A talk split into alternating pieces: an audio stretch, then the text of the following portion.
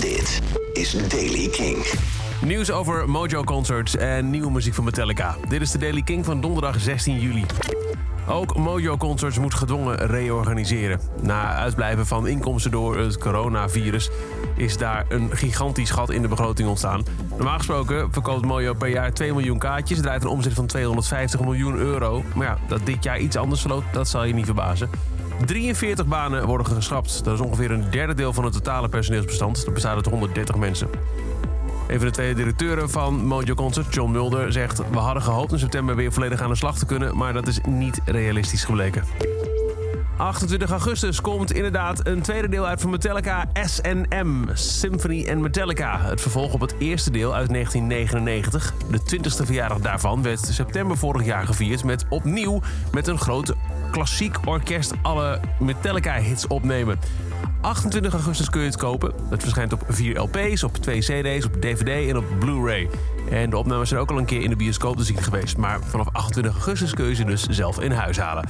Er is ook een single van uitgebracht. Dat is de nieuwe versie, de SNM deel 2 versie van All Within My Hands. Metallica.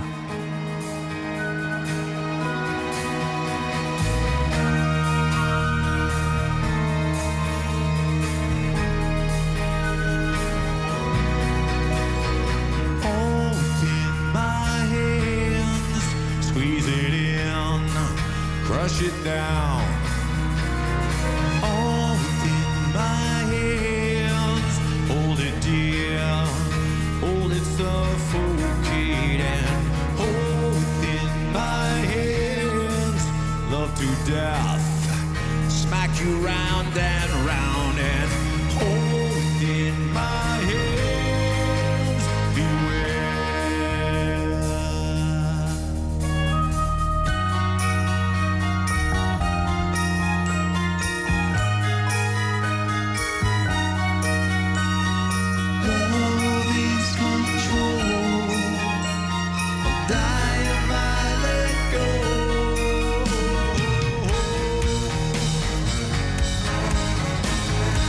All Within My Hands in de SNM 2 uitvoering. De nieuwe single van Metallica. 28 augustus komt de volledige registratie dus op de markt. Tot zover de Daily Kink. Elke dag een paar minuten bij met het laatste muzieknieuws en nieuwe releases.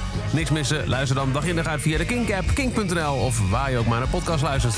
Elke dag het laatste muzieknieuws en de belangrijkste releases in de Daily King. Check hem op kink.nl of vraag om Daily King aan je smart speaker.